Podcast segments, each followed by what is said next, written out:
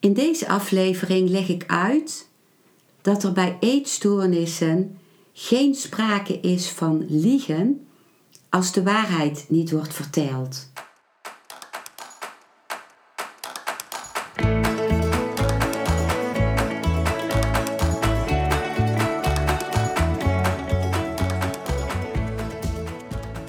Welkom bij een nieuwe aflevering van Modita's podcast Van Pijn naar Zijn. De podcast waarin ik je meeneem voorbij de pijn in je leven naar wie je diep van binnen bent. Hoe kun je beter omgaan met je gevoelens? Hoe vind je rust in je hoofd? Wat zit er precies achter je pijn? En vooral, hoe kun je steeds meer jezelf zijn? Adem eens diep in en uit. Ik wens je veel luisterplezier.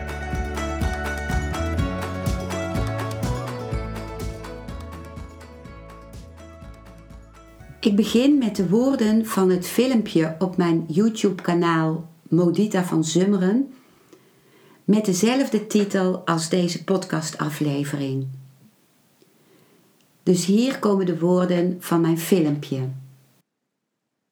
Wat bedoel ik met dat bij een eetstoornis er geen sprake is van liegen?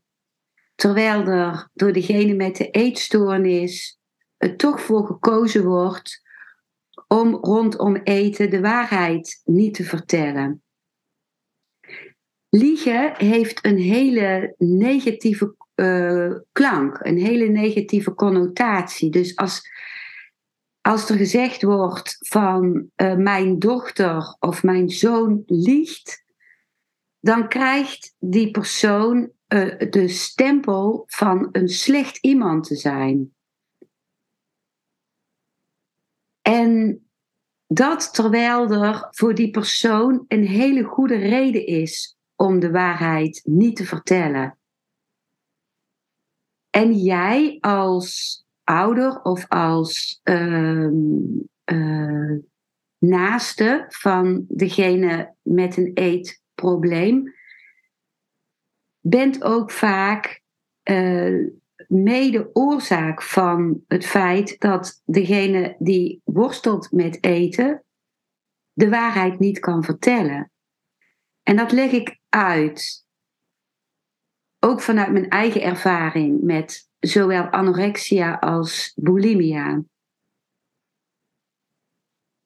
Toen ik anorexia had, wist ik dat mensen heel graag zouden willen dat ik zou gaan eten, omdat ik heel erg dun werd, uh, vel over been. En mijn ouders en mijn, de mensen om mij heen, die waren natuurlijk bang dat ik daaraan zou kunnen overlijden. En het was voor hen ook bijna niet aan te zien dat ik, terwijl ik al zo dun was, voedsel weigerde. En dan was er steeds de poging om mij tot eten uh, aan te zetten.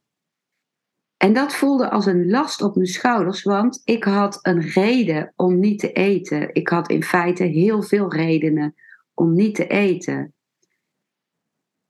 Uh, iemand met anorexia en ook iemand met bulimia, daar heb ik het zo over, die heeft geen identiteit op kunnen bouwen. Dat is even heel kort in de, door de bocht, want er zijn gewoon meerdere oorzaken. Maar een hoofdoorzaak is dat je niet geleerd hebt om uh, contact te maken met je gevoelens en met je behoeften.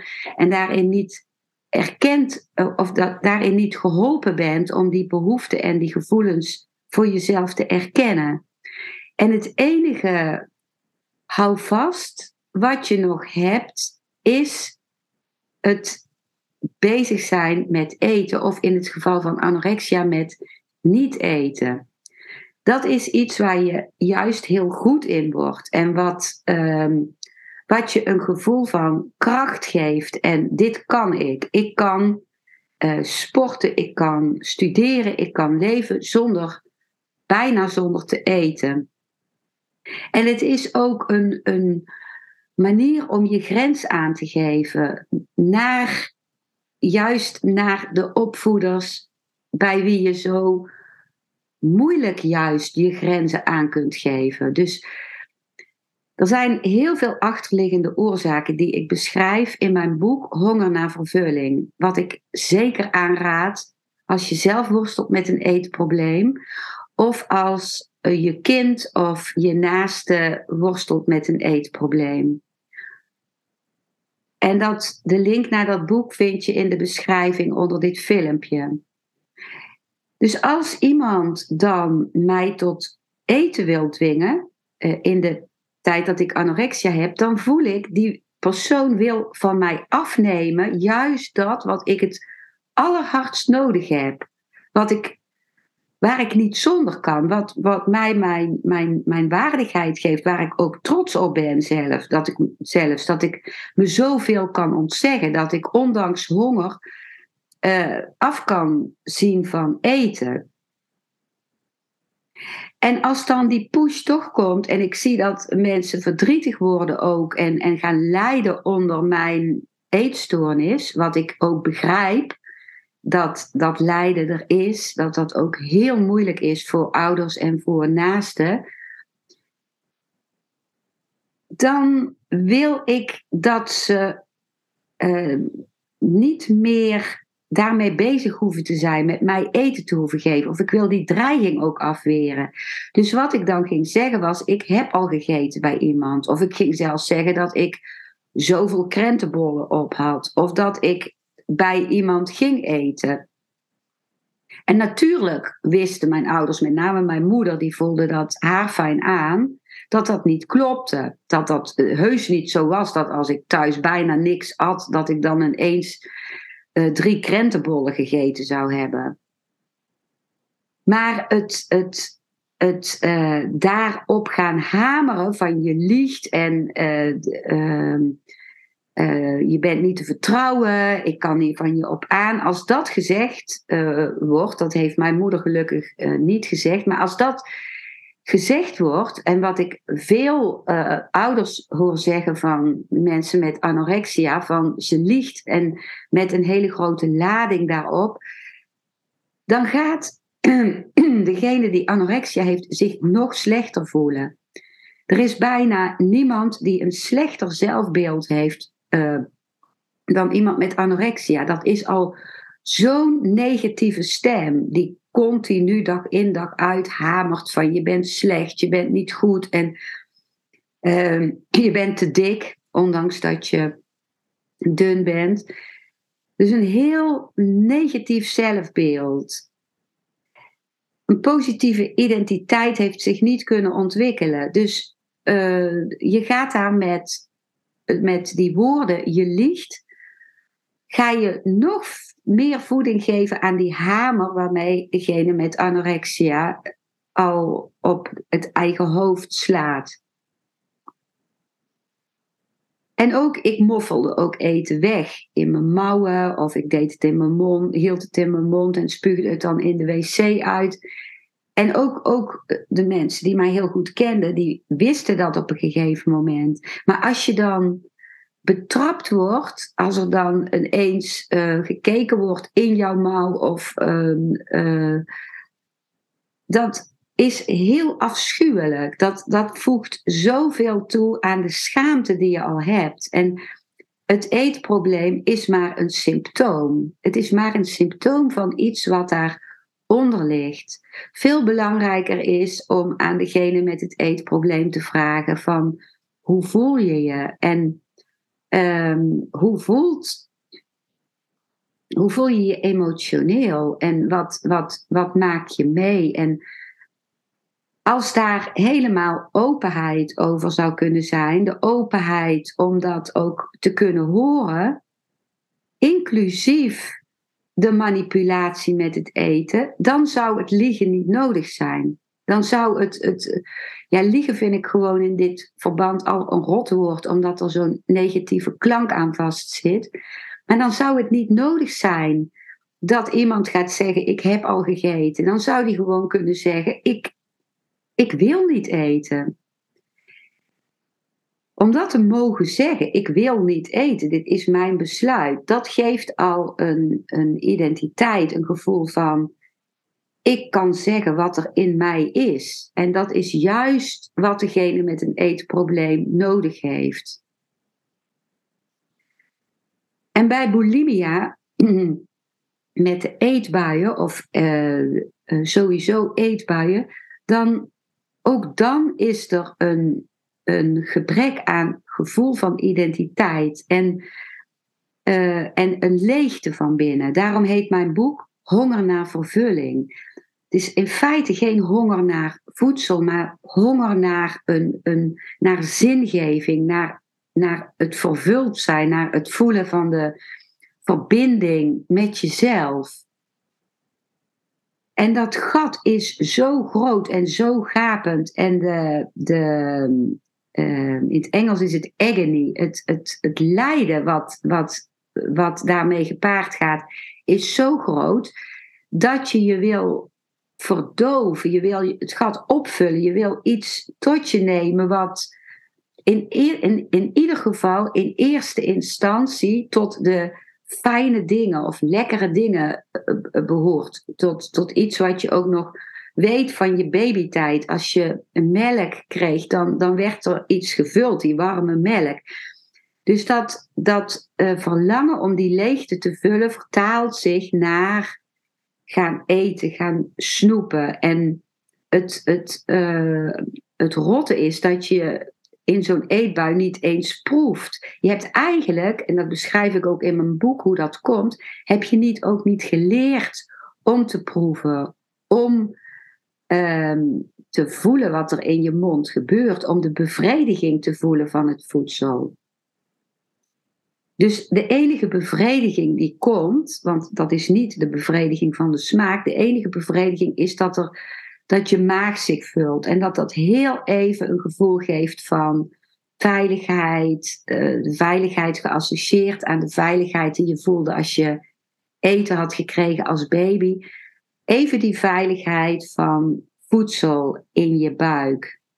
En daarna, als je door blijft eten, komt daar pijn voor in de plaats. Want je maag rekt op. En veel mensen gaan dan uh, overgeven. Ik heb dat zelf nooit gedaan, omdat ik heel bang was voor braken. Dus ik, ik ging hardlopen of uh, vasten. Maar dus, en dan bij het braken komt er ook weer de schaamte als iemand braakt van het feit dat hij dan braakt.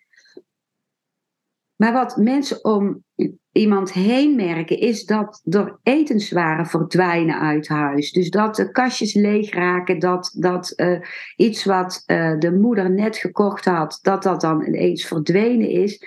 En dat is helemaal niet leuk. Dat is gewoon uh, voor de mensen om iemand heen om gek van te worden. Voedsel bederft ook omdat er soms uit, uit potten gelikt wordt en dan komen daar bacteriën in en daar komt dan schimmel op het resterende voedsel. En ehm, soms uh, vinden ouders dan overal zakjes en papiertjes van voedsel dat heel haastig naar binnen is gewerkt door de zoon of door de dochter. En dat, dat, dat wekt woede op bij ouders, bij mensen uh, om degene met het eetprobleem heen. Van hé, hey, je laat zomaar eten verdwijnen en je, je schrokt zomaar alles naar binnen. En dit eten is ook voor anderen. En, maar dat weet degene met het eetprobleem allemaal al. Dat geeft ook heel veel schaamte. Toen, toen ik bulimia had, toen ging ik gewoon ook, als ik bij iemand zelfs op bezoek was, dan, en iemand was even weg, deed ik heel snel de koektrommel open en at ik heel snel koekjes op. En als ik bij iemand logeerde, wat ik later niet meer deed, dan, dan haalde ik ook met name s'nachts, s'nachts kwam die leegte opzetten, haalde ik ook gewoon dingen uit de voorraadkast of uit de keuken en dan ging ik met zoveel schaamte en zorgen weer slapen. Want wat als het ontdekt wordt de volgende dag? En ik schreef dan op wat ik had gebruikt. En dan probeerde ik zo snel mogelijk naar de winkel te gaan om dat weer aan te vullen. Maar soms was het dan al ontdekt. En dan. ja, omdat daar dan zo'n lading op zat en ik ook zo'n schaamte had, ging ik dan niet zeggen van dit heb ik gedaan, tenzij ik er niet meer onderuit kon. Dus ehm, het, het niet de waarheid daarover vertellen heeft dan te maken met schaamte, heeft te maken met, met een, een dan nog meer door de grond zakken. Dus dat is dan niet bedoeld als uh, liegen, als moedwillig de waarheid niet vertellen. Maar als iemand open zou staan en zou zeggen van, ik zou in mijn geval kunnen zeggen van, goh, ik, ik herken het. Uh, ik denk dat je, dat je s'nachts uh, bepaalde dingen wilde eten en ik deed dat ook s'nachts bijvoorbeeld, want ik weet hoe afschuwelijk het voelt Alleen er verdwijnen dingen uit huis en dat, ja, dat, dat, dat kost ook geld. En dat is ook, ook, ook lastig als, als je het niet aangevuld hebt. Dus dan zou je erover kunnen praten. Hoe ga je dat doen? Hoe ga je dat eh, financieel regelen? Maar vooral, want dat zijn allemaal dingen rondom het symptoom, vooral wat heb je nodig? Hoe, hoe kunnen we een brug slaan naar wat helpt naar hulpverlening. En dan wel hulpverlening die niet bestaat uit het bezig zijn met calorieën en met eten aan zich, maar die zich bezighoudt met de achterliggende oorzaken. Want het eetprobleem is slechts een symptoom. Dus er zijn helaas heel veel eetklinieken die alleen maar bezig zijn, bijna alleen maar met wel of niet eten en welke hoeveelheid enzovoort. Maar niet kijken naar het achterliggende.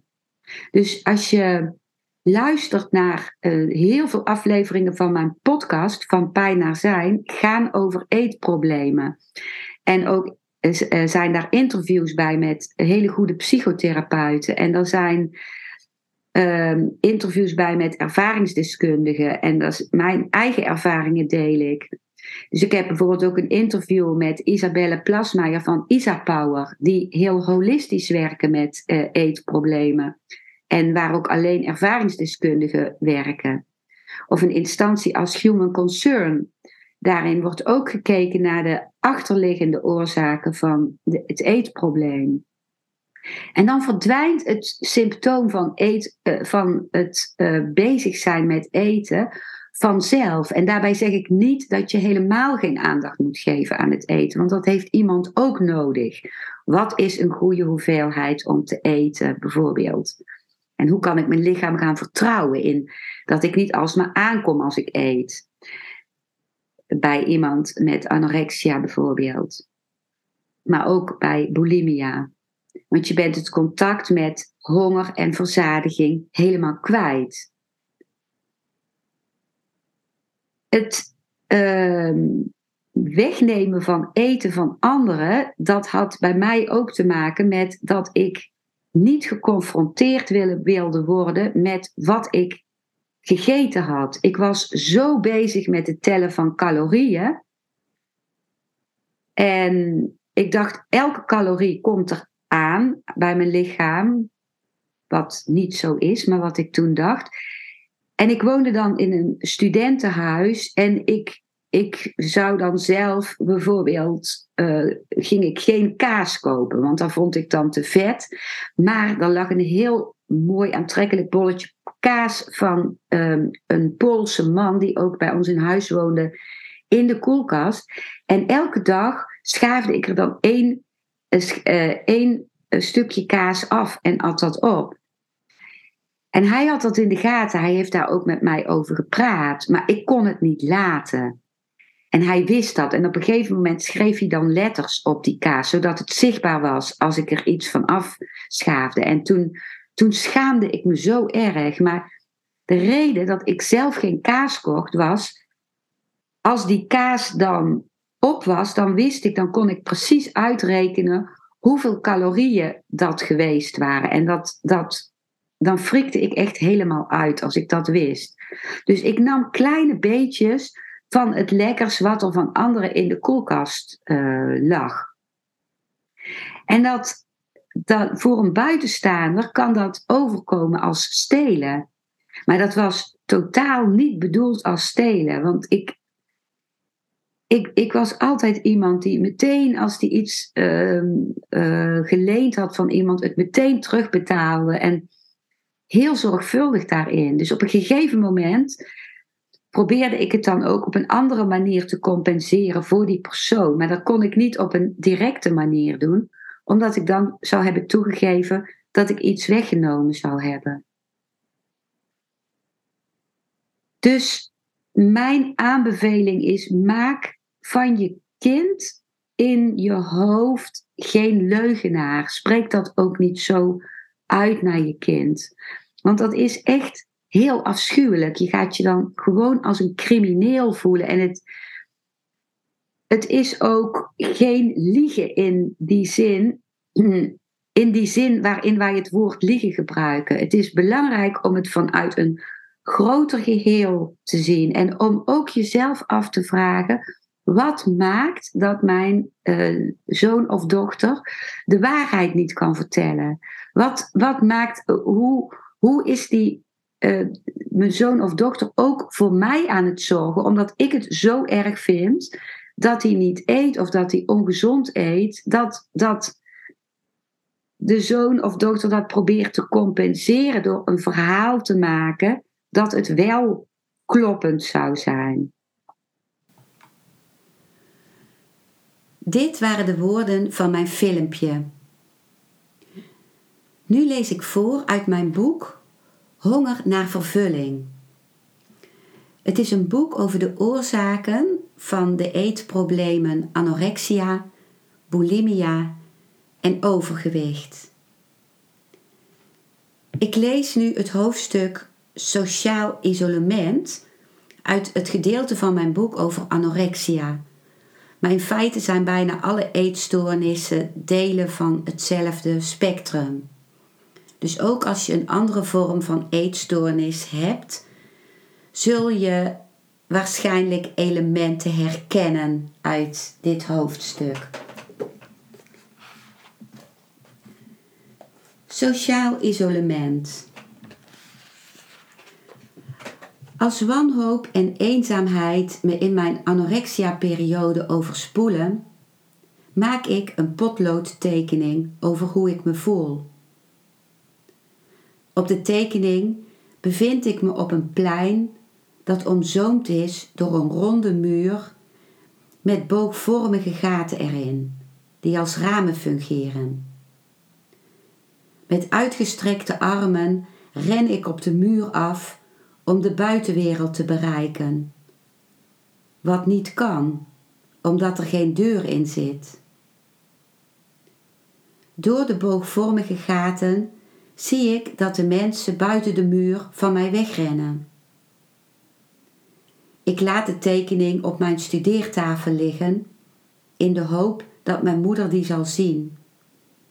Het is een schreeuw om contact. Even tussendoor vermeld ik dat ik in mijn boek, ik schrijf dat ook aan het begin van mijn boek, vertel dat ik het heb over het meisje met de eetstoornis. Dat heb ik gedaan voor het gemak van het schrijven, omdat uh, bijvoorbeeld uh, bij de mensen die anorexia hebben, 90% van de mensen een meisje is, maar ook 10% is een jongen. Dus dit boek is ook zeker voor jongens geschreven en zeker ook niet alleen voor meisjes en jongens, maar ook voor volwassenen.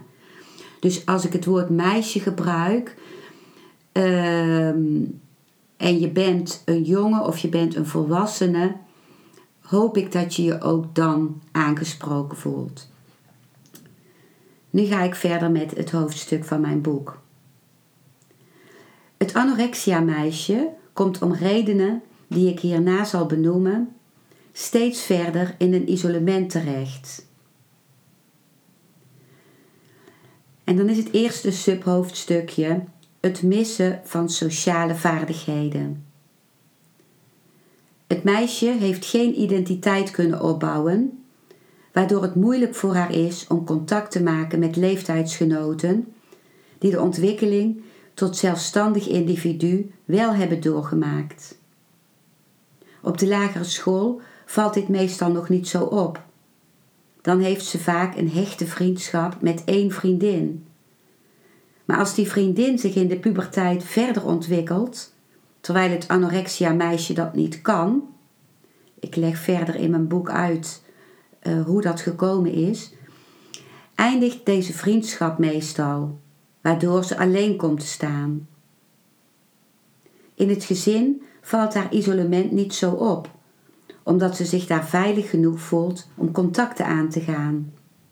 Maar op school lukt het haar niet om vriendschappen te sluiten. De vriendin met wie ik op de lagere school bijna elke dag gespeeld heb, wil, zodra we op de middelbare school zitten, niet meer met me omgaan. Ze is ineens heel stoer en vliegt met jongens, terwijl ik nog steeds het lagere schoolmeisje ben dat wil blijven spelen. Ik vind het heel erg dat onze vriendschap, waarvan ik gehoopt had dat er nooit een eind aan zou komen, zo plotseling beëindigd is. Als een meisje uit mijn klas in elkaar wordt getrapt, neem ik het voor haar op en wordt zij mijn vriendin. Onze beide ouders zoeken ook contact met elkaar, wat ik als heel benauwend ervaar. Het lijkt alsof mijn vriendin nu tot ons gezin behoort, terwijl ik er behoefte aan heb iemand te hebben waar alleen ik dingen mee deel. Na drie jaar eindigt ook deze vriendschap, omdat zij dan alleen nog geïnteresseerd is in een jongen uit het aangrenzende dorp. Dan ben ik alleen. Dan komt het hoofdstukje, het subhoofdstukje negatieve aandacht. Het anorexia-meisje was gaan lijnen om door anderen geaccepteerd te worden en erbij te horen. Nu ze zo mager is geworden, krijgt ze echter een heel ander soort aandacht dan die waarop ze had gehoopt. Mensen kijken gefascineerd naar haar en beschouwen haar als een vreemd verschijnsel. Ze wordt niet meer als vrouw gezien en er wordt over haar gepraat zonder dat ze begrepen wordt. Als ze dat merkt, trekt ze zich steeds verder terug en wordt het sociale isolement nog versterkt. Het doet me pijn als de gymlerares me op een dag na de gymles vastpakt voor een dansje op de gang en me dan vol afschuw terugduwt met de opmerking dat ze het vreselijk vindt om alleen maar botten vast te pakken. Dan komt het subhoofdstukje niet gewaardeerd worden. Het meisje is trots op haar prestatie nauwelijks te eten en toch grote inspanningen neer te zetten en veel te studeren. Het voelt voor haar als een overwinning op zichzelf, waarvoor ze graag bewondering wil krijgen. Echter, iedereen wil de manier waarop ze haar leven onder controle heeft gekregen van haar afnemen, door te proberen haar tot eten te dwingen. Teleurgesteld en eenzaam sluit ze zich dan af van haar omgeving. Daardoor krijgt ze niet de kans om nieuwe ervaringen op te doen. Iets wat in de puberteit juist zo belangrijk is.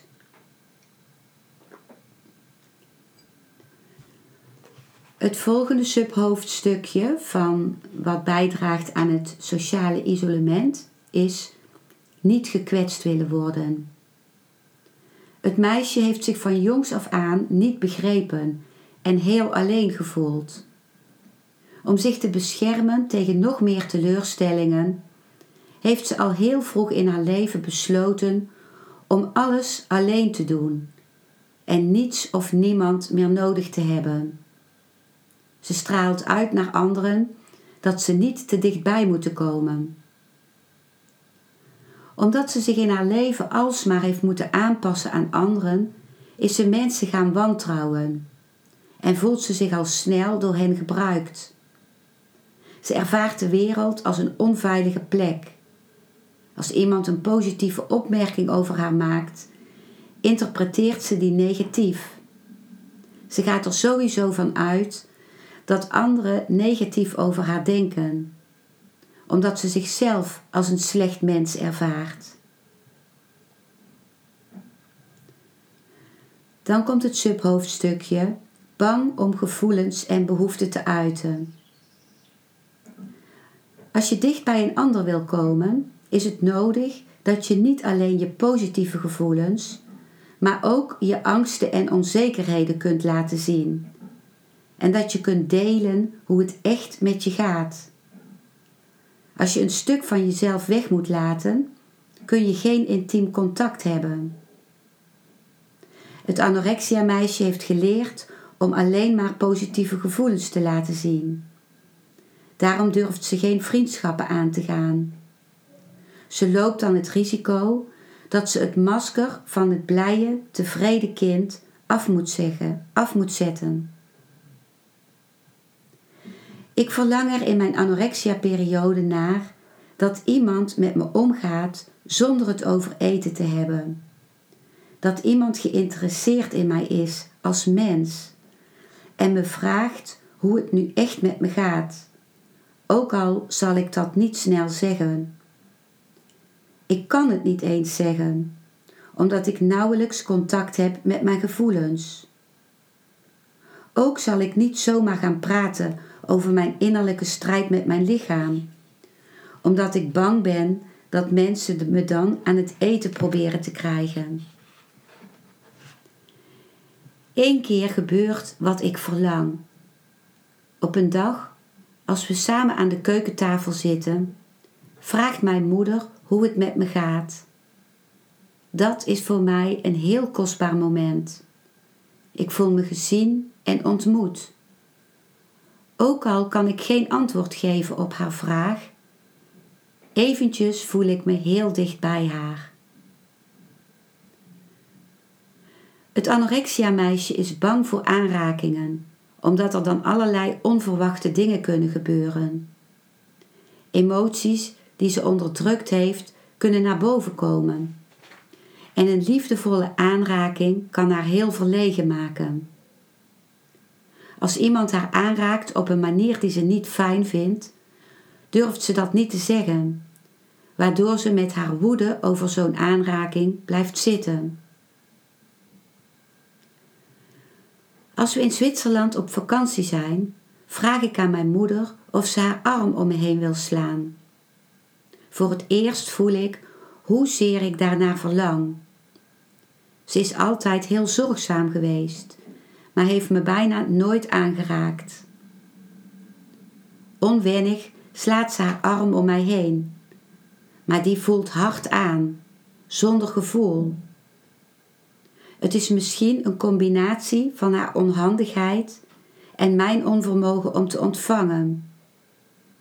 Het is heel pijnlijk en ik zou willen dat ik het nooit gevraagd had. Snel sta ik op en verberg me achter het gordijn. Daarna hebben we het er niet meer over. Dan komt het subhoofdstukje, ook iets wat bijdraagt aan sociaal isolement, tegengehouden worden door de ouders. De ouders van het meisje met anorexia hebben vaak kritiek op haar leeftijdsgenoten, omdat ze bang zijn voor het onbekende. Ook willen ze dat het meisje thuis blijft en betrokken blijft bij het gezinsleven, in plaats van de maatschappij in te gaan. Op de middelbare school mijd ik mijn klasgenoten omdat ik de afkeuring van mijn moeder over hun gedrag overneem. Zij vindt dat de leerlingen op die school alleen nog maar tegen een muur hangen en veroordeelt het dat ze niet meer spelen. Ik zorg dat ik broeken draag van bloemetjesstof en jurken met felle kleuren om ver verwijderd te blijven van de spijkerbroekencultuur die mijn moeder verafschuwt. Omdat ik bang ben dat mijn moeder zich thuis eenzaam en nutteloos zal voelen als ik te lang wegblijf van school, fiets ik naar de laatste les zo snel mogelijk naar huis. In de puberteit is het beangstigend voor het meisje dat ze iedereen om zich heen ziet veranderen. Omdat ze geen identiteit heeft kunnen opbouwen, wil ze alles zo houden als het is. Veilig en met duidelijke regels. Mijn klasgenoten storten zich in het avontuur van het uitgaansleven. Twee van mijn zussen doen dat ook. Ze gaan naar het buurthuis in het dorp en maken daar allerlei nieuwe dingen mee. Ook met jongens. Ik ben daar jaloers op en vind het ook bedreigend. Ik steun mijn moeder bij de regel dat zij op tijd thuis moeten zijn, om mezelf minder lang een buitenstaander te voelen. Tot grote irritatie van mijn zussen, die me laten weten dat ze al een moeder hebben. Ik help mijn moeder om alles bij het oude te houden, in de hoop dat ook mijn eigen wereld veilig zal blijven. Tegelijkertijd weet ik dat alles niet hetzelfde kan blijven, wat me beangstigt. Het volgende subhoofdstukje is willen studeren. De lichamelijke oefeningen die het meisje met anorexia doet om calorieën te verbranden en de vele tijd die ze aan haar studie besteedt, zorgen ervoor dat ze nauwelijks nog tijd overhoudt voor sociale contacten. Ze ziet haar drukke programma als een gerechtvaardigd excuus om sociale contacten uit de weg te gaan. Omdat ik na school in een razend tempo naar huis fiets, noemen mijn klasgenoten me Speedy Gonzales. Ik heb haast, omdat ik voor elke dag een strak studieschema heb gemaakt dat ik per se af wil krijgen. Ook wil ik mijn moeder, die thuis klaar zit met thee, niet laten wachten. Het volgende subhoofdstukje is verbergen van het eetpatroon. Het anorexia-meisje durft geen afspraken met anderen te maken, omdat ze bang is dat ze dan zal moeten eten of dat ze betrapt wordt als ze braakt. Ook wil ze haar schema van lichamelijke oefeningen niet doorbreken. Ze durft niet te zeggen dat dit de reden is dat ze niet op uitnodigingen ingaat. Als vrienden zich met haar gedrag of eetpatroon bemoeien, maakt ze resoluut een eind aan het contact. Eet toch een stuk taart, zegt de tante van mijn vriendin. Je bent zo dun dat iedereen kan zien dat je dat nodig hebt. Een stommere opmerking kan ik me niet voorstellen. Ziet ze dan niet dat ik niet voor niets zo dun ben en dat dit iets is waar ik dag in dag uit hard voor gewerkt heb? Denkt ze nu echt dat ik ineens een stuk taart ga eten omdat zij dat nodig vindt? Mijn besluit staat vast. Ik ga niet meer naar die vriendin, zodat ik die tante niet meer hoef te ontmoeten. En het laatste subhoofdstukje is bang voor de seksuele vertaling van intimiteit.